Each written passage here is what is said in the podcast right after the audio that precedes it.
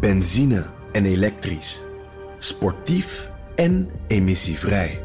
In een Audi plug-in hybride vindt u het allemaal.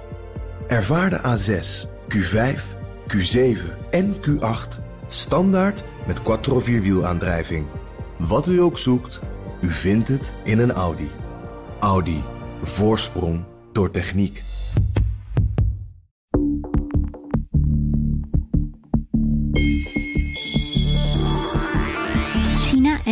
Praten al sinds 2016 over een deal voor meer economische en militaire samenwerking. China investeert al miljarden in Iran en krijgt daar Iraanse olie voor terug. Maar van een definitief akkoord tussen beide landen is nog geen sprake.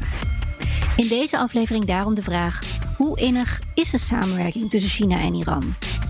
Mijn gasten deze aflevering zijn Damon Golrits, politiek strateeg en Iran-expert, en Jan van der Putten, buitenlandcorrespondent en China-deskundige. Mijn naam is Liao Wang en deze podcast wordt mede mogelijk gemaakt door het Leiden Asia Center. Uh, Damon, als we, als we bij jou even beginnen en ons inleven in de Iraanse kant van het verhaal. Um, en je even kort moet aangeven hoe, hoe belangrijk is China voor Iran op dit moment? Dat is afhankelijk van hoe je, hoe je naar deze vraag natuurlijk kijkt. Vanuit welke Iran spreek je? Inmiddels spreken we uh, uh, over een Iran dat je te maken hebt met een regime.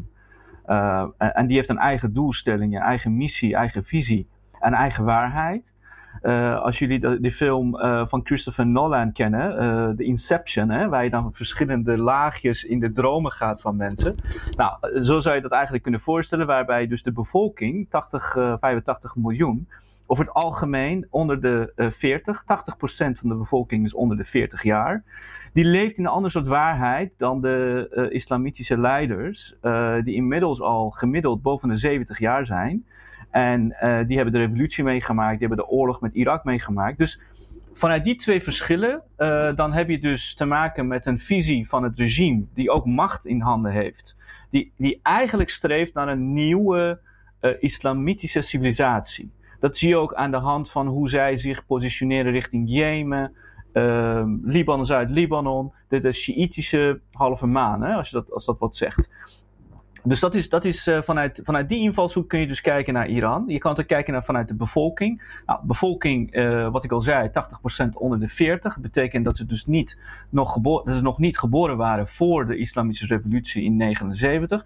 Nou, die streven veel meer in plaats van naar het oosten, naar het westen. En met westen bedoel ik niet alleen Europa, waar ze goede herinneringen hebben historisch gezien. Uh, in de oorlog tegen de Ottomanen in, in de 16e eeuw, uh, waar ze met Europeanen hebben samengewerkt, maar vooral ook naar Amerika, waar Iraniërs uh, goede, ja, goede herinneringen aan hebben. Over het algemeen heb ik het over. Het regime probeert wel met een laag aan propaganda steeds te zeggen: wij zijn tegen Amerika, Amerika is de grote Satan enzovoort. Uh, maar wat er echt leeft, uh, en dan kun je met verschillende voorbeelden kan ik laten zien. Als je filmpjes hebt gezien met mensen die dus weigeren om op een vlag van Amerika en Israël op straat of op universiteit te lopen, als, als die, om respect te tonen. Nou, de bevolking loopt dus de andere kant op. En, en dat is belangrijk om naar, als je naar Iran kijkt, om die twee naast elkaar te zetten, die twee waarheden. Ja, dus de politieke leiders kijken eigenlijk naar het oosten en de, en de bevolking kijkt eigenlijk veel meer naar het westen. Exact, ja. Jan, jij bent, jij bent China-expert. Als we het vanuit het Chinese standpunt bekijken, hoe belangrijk is Iran dan eigenlijk voor China? Ik zou dat willen samenvatten in twee woorden. Het eerste is olie en het tweede is geopolitiek. De olie. het Midden-Oosten is de belangrijkste leverancier van olie aan China, dat zelf veel te weinig olie, olie heeft. De belangrijkste leveranciers van China zijn Rusland, even kijken, Saoedi-Arabië en Irak. Maar Iran is een stuk dichterbij.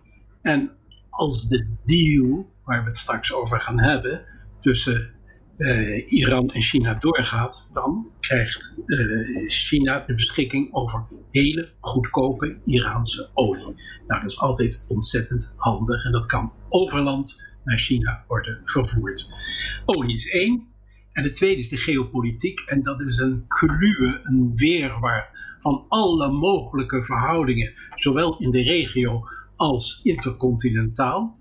Eh, om echt een enorm ingewikkeld verhaal samen te vatten, zou ik zeggen. Het is de, uh, een reactie van China op de uh, vijandige politiek van de Verenigde Staten, waarbij de Europa zich sinds het uitbreken van de coronacrisis steeds meer aansluit. Wat dat betreft begint China in een geïsoleerde positie te raken. Het heeft vrijwel geen vrienden en probeert door Iran een, uh, een groter blok te vormen dat voor uh, verdere uitbreiding in de regio vatbaar is. En zo dus een, uh, een, een, eigen machtscentrum te vormen als reactie op nou ja, de problemen die het met de Verenigde Staten en Europa en andere westers georiënteerde landen onder, ondervindt. Dus dat zijn de twee, de twee grote dingen, denk ik.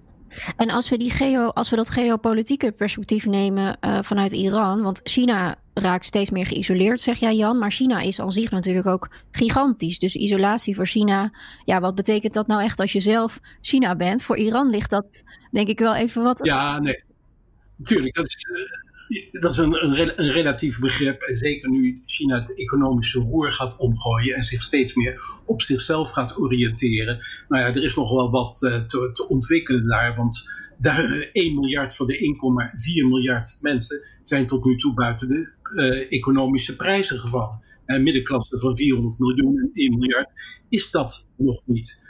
Hè? Maar als we naar Iran kijken, uh, wat ook natuurlijk uh, geïsoleerd is geraakt de afgelopen jaren. En we pakken vanaf daar het geopolitieke perspectief. Hoe, hoe ziet dat eruit, Tamon? Kijk, wat de Iraanse leiders, uh, dus anders dan de bevolking, hè, voor ogen hebben, is dus een nieuw islamitische civilisatie. De manier hoe zij Iran hebben ingericht, dat willen ze eigenlijk ook naar het heel Midden-Oosten kijken. Uh, als je kijkt dus naar de Sjiitische militia's die ze ook in Syrië hebben. Ze hebben iets van 16 miljard per jaar uh, alleen maar geïnvesteerd in Syrië om Israël een beetje te pesten en op die manier ook een weg te krijgen naar de Mediterraanse Zee. Nou, als je dus vanuit inderdaad van boven naar Google Earth naar, naar het landkaart zou kijken, dan heb je eigenlijk drie belangrijke punten. Eén is dus de Kaspische Zee in het noorden van Iran, waar je dan Rusland hebt in het, aan, aan het noorden. Je, hebt aan het zuiden van Iran heb je dan de, het, het Perzische Golf, waar uh, bijna 40% van de olie, in ieder geval tot voor corona, werd verhandeld en werd vervoerd. En je hebt dus aan de, aan de andere kant, dus dan heb je eigenlijk een soort driehoek, waar je dan te maken hebt met de Mediterrane Zee. Nou, waar dus een, eigenlijk een poort is naar Europa. En Iran heeft met uh, de Shiïtische halve maan heeft inmiddels toch wel enigszins toegang tot de Mediterrane Zee via Syrië en Libanon.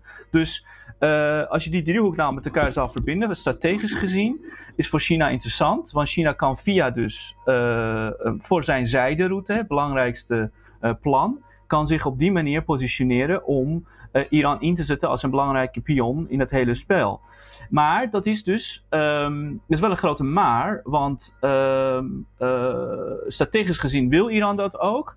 Alleen China moet wel een belangrijk verandering in eigen um, in eigen manier van uh, politiek en diplomatie, diplom, diplomatische banden voeren uh, aannemen die anders is dan hiervoor. Een voorbeeld is hoe zij zich hebben uh, gepositioneerd op bijvoorbeeld de sancties tegen Iran voor de nucleaire overeenkomst. Ze hebben allemaal ja gestemd. Hè? Dus China heeft op alle resoluties ja gestemd. Als je kijkt naar economische banden op dit moment, uh, wegens de Amerikaanse, alleen de Amerikaanse sancties, is de economische verhoudingen van 30 miljard wat Iran aan uh, buitenlandse investeringen heeft. Heeft 20 miljard is van China, net voor de sancties. Maar inmiddels is het aantal uh, investeringen met 90% afgenomen. Ik heb het niet over zwarte markten, ik heb het niet over dus ship-to-ship olie. Maar wat je dus wel weet. Dus uh, feiten op de grond laten zien dat China nog steeds niet wil dat strategische manier inzetten.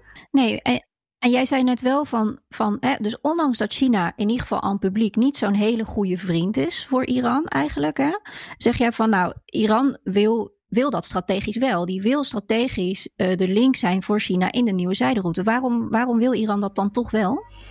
Ehm, eh, omdat Iran, ehm, eh, de leiders van Iran, die zijn uh, teleurgesteld in het Westen. Ze zijn teleurgesteld in Amerika, ze zijn teleurgesteld. Ik zeg teleurgesteld vanuit gevoel, hè, maar je begrijpt dat er daar strategische overwegingen achter zitten. teleurgesteld ook in Europa. nog geen twee weken geleden hebben, hebben de Europese landen in de Veiligheidsraad tegen een resolutie gestemd om de conventionele wapenhandel van Iran tegen te houden, die Amerika had ingediend. Daar hebben Europeanen tegen gestemd. Die hebben gezegd: nee, dat willen we niet, want we willen ons houden aan de nucleaire overeenkomst. Is een voorbeeld, hè? Maar uh, gisteren of eergisteren heeft de uh, minister van Buitenlandse Zaken van Duitsland heeft gezegd: ja, we moeten Iran gaan sanctioneren. Zo zodat Iran niet aan conventionele wapens komt. Dus dat zien Iraniërs. En die denken: nou, we kunnen ons niet Um, we kunnen onze doelen en onze visies, aan onze missies, aan onze positie als een belangrijk land in het Midden-Oosten, kunnen we niet voor elkaar krijgen als we ons blijven vasthouden aan het Westen. We moeten ons richten naar het Oosten. En ze hebben ook plannen, maar goed, je weet niet of dat allemaal waar is, want met China is het feitelijk nog niet helemaal rond, om datzelfde te doen wat we met China hebben gedaan, en dan met Rusland. Dus met Rusland ook zo'n deal te sluiten. Uh, ik vraag me alleen wel af, dus een kanttekening of dat werkelijk gaat doorkomen. Kijk, in, op medianiveau, dus op publieke opinieniveau, is voor Iran een belangrijke winst. Uh, Oké, als je niet met ons meewerkt, als je dus niet houdt aan een nucleaire overeenkomst, dan gaan we richting China en Rusland. Maar of het nou feitelijk gaat gebeuren, ik denk dat voor beide landen, die grote landen, China en Rusland, toch wel uh, strategisch gezien nog steeds veel meer voordelen heeft om zich te houden aan wat uh, internationaal rechtsorde is. En dat is dus nog steeds het Westen. Ja, ja dus, dus aan de ene kant wordt Iran een beetje uh, het oosten opgedreven. Zeg maar in het westen krijgen ze, geen, ja, krijgen ze eigenlijk geen medewerking, krijgen ze eigenlijk geen vrienden. Dus ze moeten wel, maar misschien willen ze eigenlijk toch nog wel liever bij het westen horen dan bij het oosten. Ja, sorry dat ik jou even onderbreek, maar dat is wel belangrijk. Kijk, uh, Iran wordt niet per se weggedreven, want die nucleaire overeenkomst was een opening naar het westen toe. Alleen als je dus een islamitische staat wil runnen, dan kun je dat niet doen met, met, met westen erbij dan moet je dus kiezen voor een staat zoals uh, die wordt gereguleerd door een communistische partij of een dictator in, uh, in Moskou. Ja, nou en dat is precies uh, waar ik de vraag eigenlijk die ik aan Jan wilde stellen. Van, hè, zit er ook een soort ideologische band dus tussen de twee landen, waardoor ze voor elkaar kiezen, nog los van de olie en, en de geopolitiek met de nieuwe zijderoute? Ideologische band.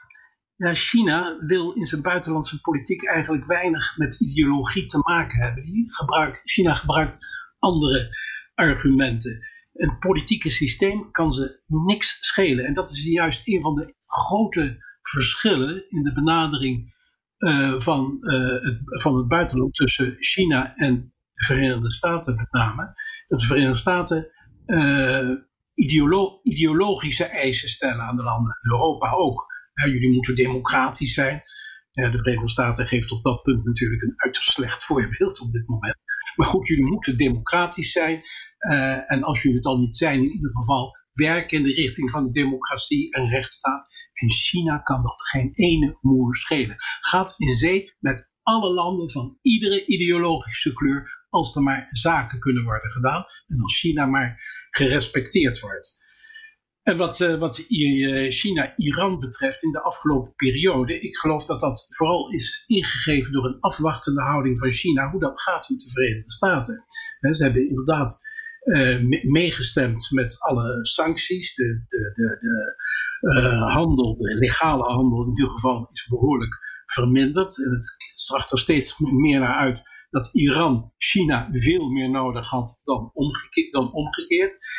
Uh, en uh, tot nader orde laat China graag de rol van politieman in het Midden-Oosten over aan de Verenigde Staten. Ze, kiezen geen partij in de conflicten. Dat is nou juist een van de kenmerken van, van de politiek van China in het Midden-Oosten.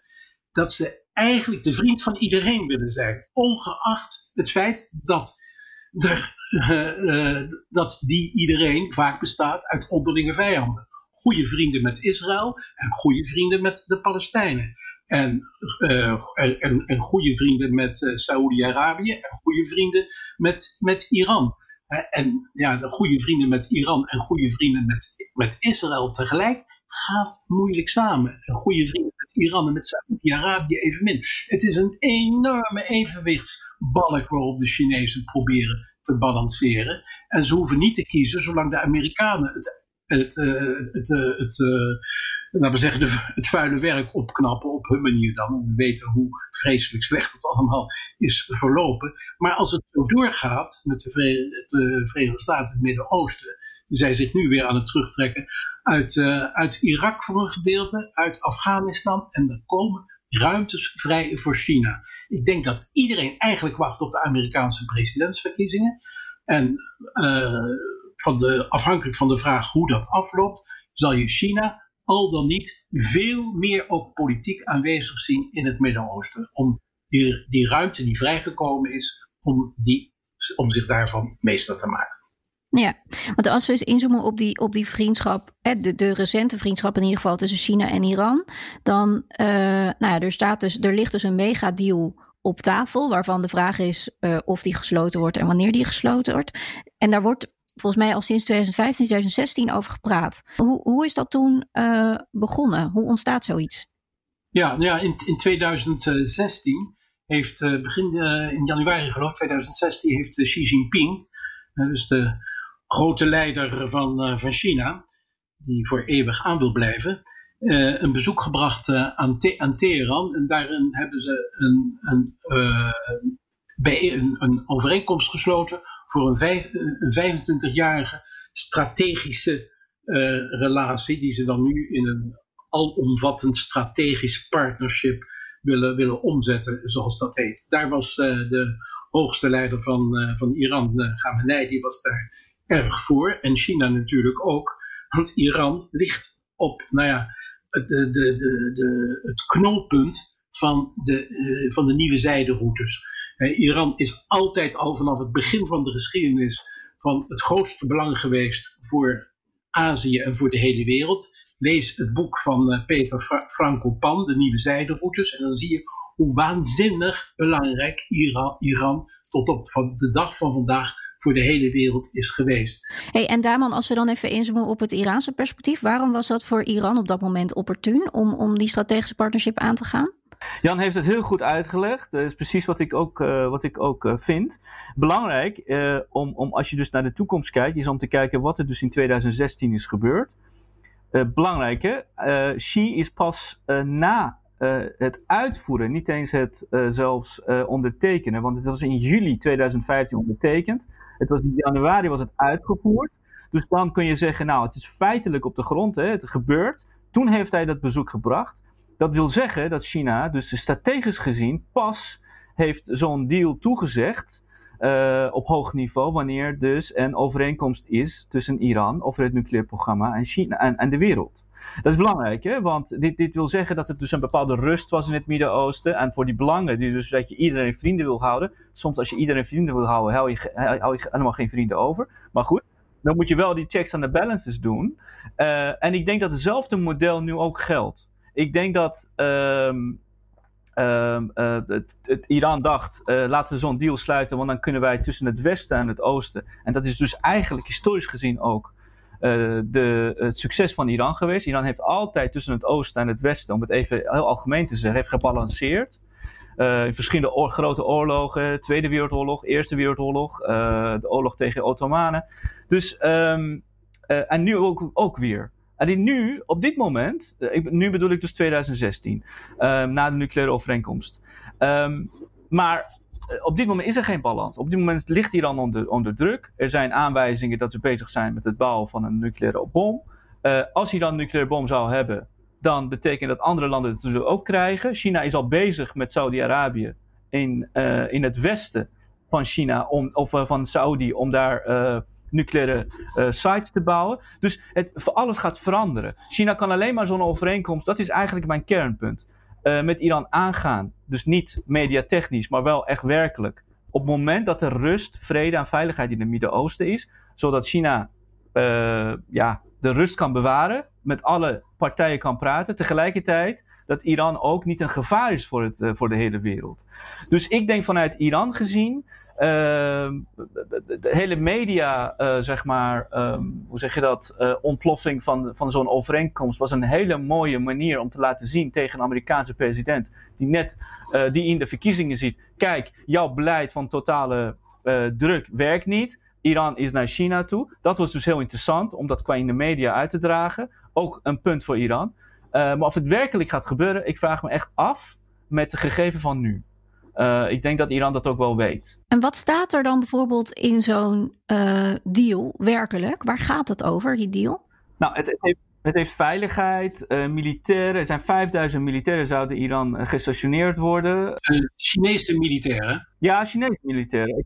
Ja, dat is belangrijk. Het is een belangrijk onderwerp. En dat vinden Iraniërs trouwens helemaal niet leuk. Die hebben slechte historische herinneringen aan militairen die in Iran waren. Iran is een heel dus um, en, en 400 miljard in 25 jaar infrastructuur bouwen. Um, uh, en, en dus het is, ja, uh, en 400 miljard lijkt veel, maar voor een land als Iran is op zich niet zo ontzettend veel. Nee, en die infrastructurele investeringen heeft China nee. natuurlijk op meerdere plekken in de wereld gedaan.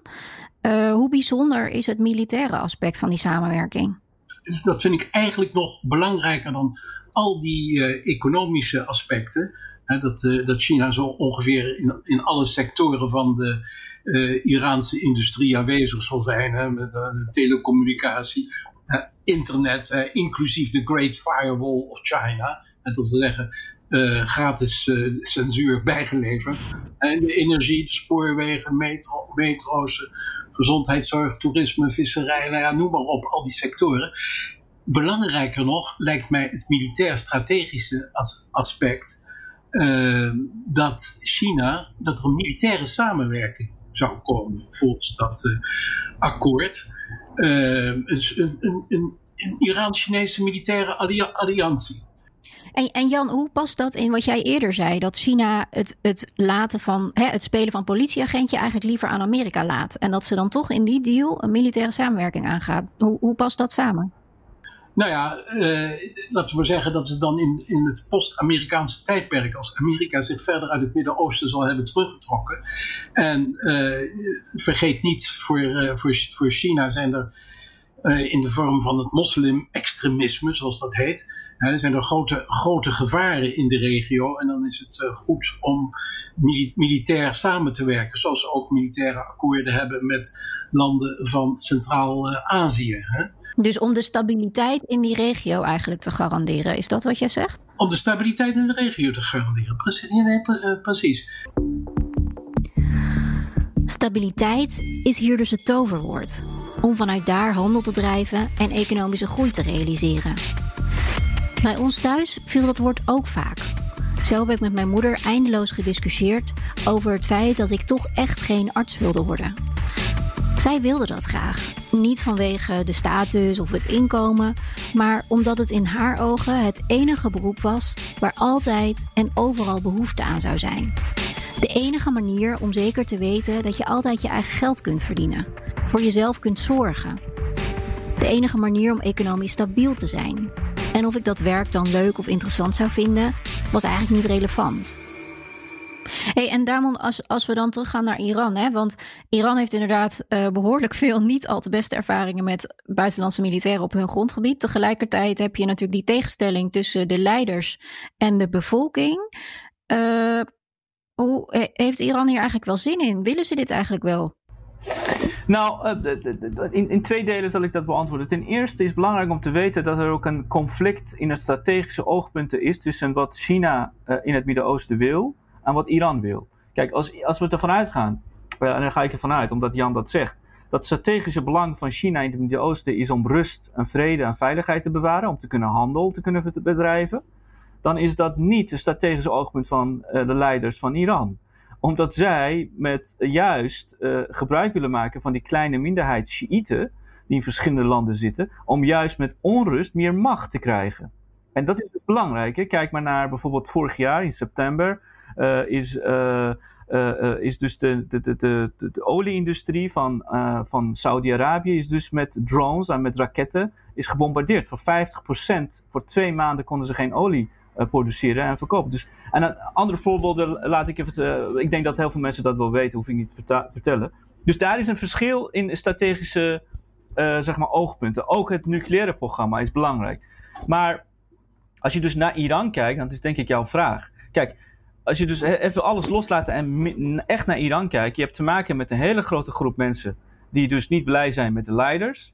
Ze kunnen zelfs ja, economie niet draaiend krijgen. Mensen leven op dit moment onder enorme druk. Interessant daarbij, ironisch gezien, is dat er dus, terwijl Amerika de sancties heeft opgelegd, uh, als je kijkt naar de bevolking, bevolking neemt Amerika niet kwalijk, maar eigen leiders. Dus die sancties hebben op die manier ook heel veel gewerkt.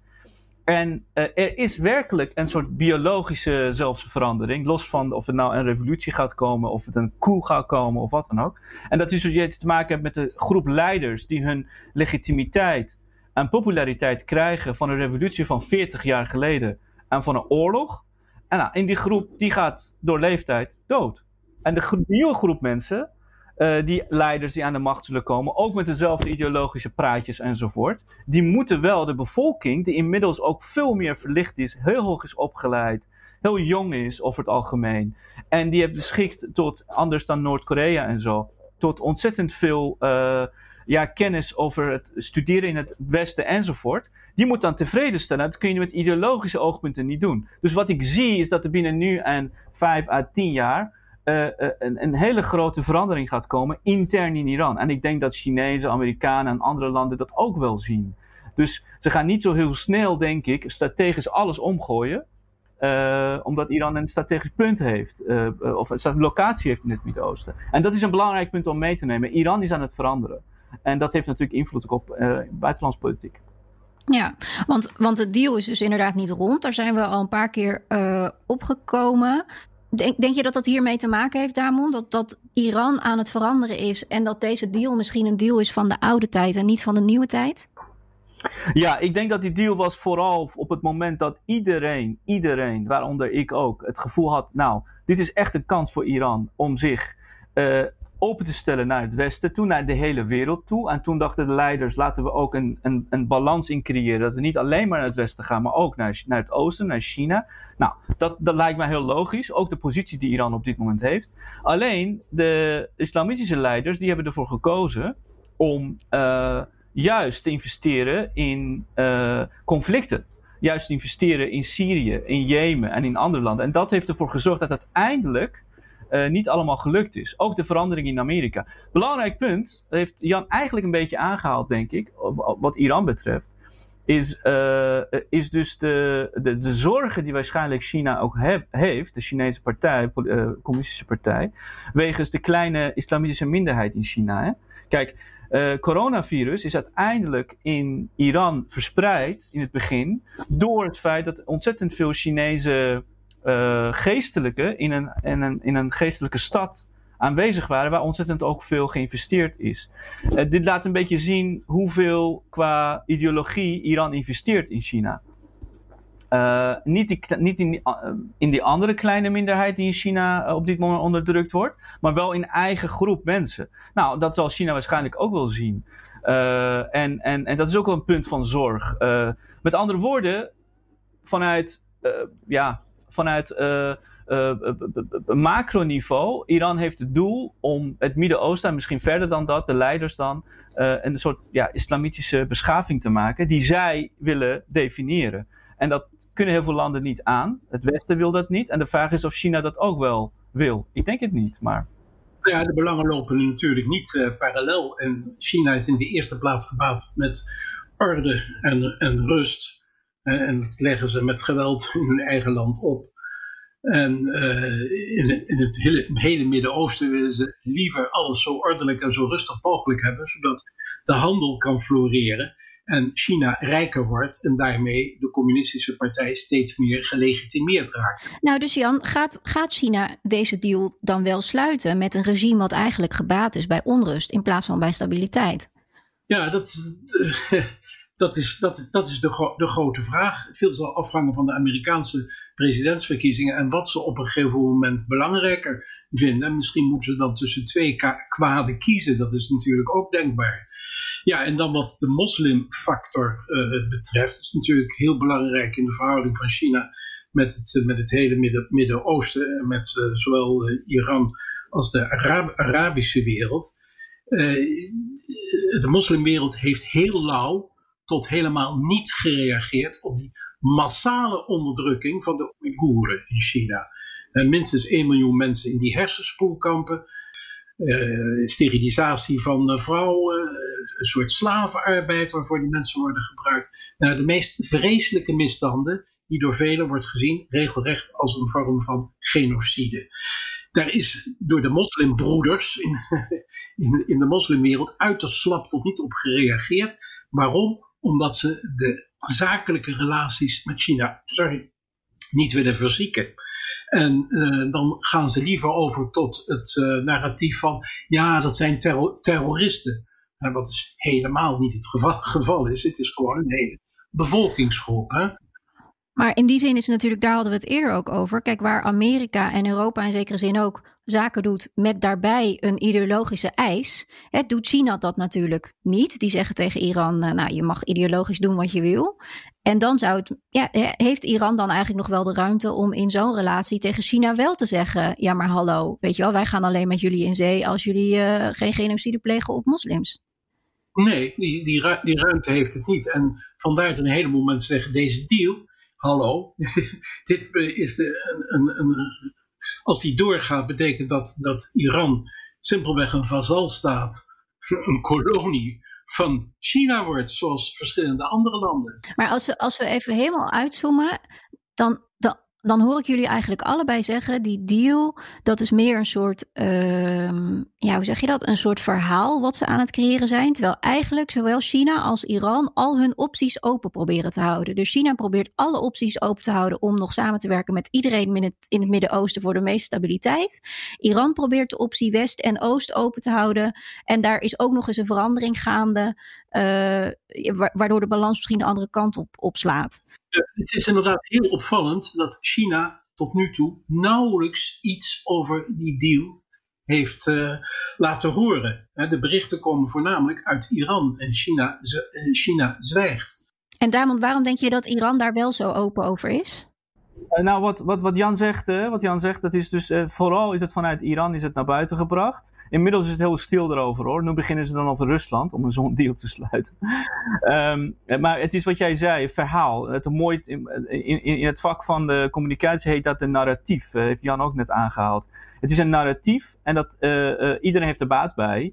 iedereen bedoel ik mee, um, zelfs inmiddels, Amerikaanse president die wil verkozen worden opnieuw die heeft er baat bij, omdat hij zich heeft uh, afgezet tegen China. En een narratief is uh, een, een, een, een, problematisch land als Iran, die uh, zou opgevangen worden door het Westen, is nu in handen van China. Dus, en, dat, en dat is voor, in het voordeel van iedereen. Maar of het nou feitelijk gaat gebeuren, ik vraag me af. Omdat het, ik vraag me echt sterk af. En ik denk dat het idee dat Amerika zomaar uit het Midden-Oosten gaat, zonder dat daarbij de belangen van Amerika behartigd worden, ik denk dat dat, uh, dat dat een fabel is. Ik denk dat dat ook niet gaat gebeuren. En uh, wat we ook niet moeten vergeten, ik heb het wel aangehaald. Kijk, ik denk dat, het, ik denk dat die periode voorbij is dat je zomaar, zomaar als een dictator of een groep mensen, in ieder geval in Iran, allerlei dingen kunt doen zonder dat de bevolking dat willen. het hele succes van de Iraanse invloed in Syrië, in Libanon, maar ook in Irak in de tijden van ISIS, was omdat Iraniërs dat een manier vonden om veilig te zijn. Men dacht, als we daar vechten, dan hoeven we niet in Iran te vechten. En dat was een heel belangrijk narratief. Met China is dat nu niet het geval. Als je dus naar kijkt naar hoe Iraniërs over het algemeen vinden, ja, natuurlijk geen peilingen enzovoort, omdat het geen een land is wat eh, bijzondere omstandigheden heeft. Maar als je kijkt naar bijvoorbeeld aantal mensen die dus Chinese studie gaan doen, uh, in vergelijking met westerse studies aantal studenten die daar zitten. Hoeveel mensen willen daar graag zaken doen? Echt zaken op lange termijn. Niet alleen maar handel, maar echt, echt zaken op strategisch niveau. Hoeveel bedrijven zitten in Iran en hoe blij zijn Iraniërs met Chinezen in Iran qua partners? Nou, dat is heel laag omdat men daar uh, niet een goed gevoel bij heeft. En ik denk dat de overheid het ook wel weet. Uh, en, en dat het ook niet zo heel makkelijk gaat. Dus op, op narratief niveau op het feit dat je dus het uh, media een beetje bezig gaat en vertelt, kijk, wij hebben gewonnen, jullie hebben verloren, enzovoort, enzovoort, dan werkt het heel goed. Maar of het nou werkelijk gaat gebeuren, Nee, ik denk het Dus misschien aan jullie allebei nog even de, de samenvattende vraag. En misschien dat je hem in één of twee zinnen kunt uh, beantwoorden. En dat we even beginnen bij jou, uh, Damon. Hoe, hoe innig is de samenwerking tussen China en Iran echt? Ik denk dat het Iran um, ik denk een van de minste relaties echt heeft met China dan andere landen in het Midden-Oosten, die uh, dezelfde positie zouden kunnen hebben zoals in Iran. Dus een vergelijking met Iran, dat het heel erg uh, die relatie minimaal is uh, in het echt, maar maximaal in de, zeg maar, in de publieke opinie. In het narratief. En Jan, wat denk jij? Ik denk dat het voor, voor China van groot belang is om relaties met het zo strategisch gelegen Iran aan te knopen. En uh, het is in, uh, gebruikelijk voor de Chinese uh, Communistische Partij, voor de leiding daarvan, om niet zozeer te kijken naar wat de bevolking zoal vindt, maar wat de leiders vinden. Dus dat ze zaken willen doen met de, met de leiders zonder te kijken naar wat er de grassroots zoal over gedacht wordt, wat ze overigens lelijk zou kunnen opbreken. Iran maakt dus handig gebruik van een mogelijke deal met China om een eigen verhaal te creëren. Van een land dat het Westen niet nodig heeft. En zeker niet voor Europa of Amerika haar politieke en ideologische autonomie zal opgeven. Tegelijkertijd kan China ook werkelijk voordeel halen uit een samenwerking met Iran, maar wel alleen als er genoeg gezamenlijke belangen zijn. En zolang de Iraanse politieke leiders investeren in een verdeel- en heerstrategie, lijken die gezamenlijke belangen nog ver weg. Tot zover deze China-podcast. Dank aan mijn gasten Damon Golrits en Jan van der Putten. Deze podcast wordt mede mogelijk gemaakt door het Leiden Asia Center en is terug te luisteren via bnr.nl/slash China-podcast, de BNR-app of je favoriete podcastplatform. Reageren? Dat kan via podcast.bnr.nl. Benzine en elektrisch. Sportief en emissievrij.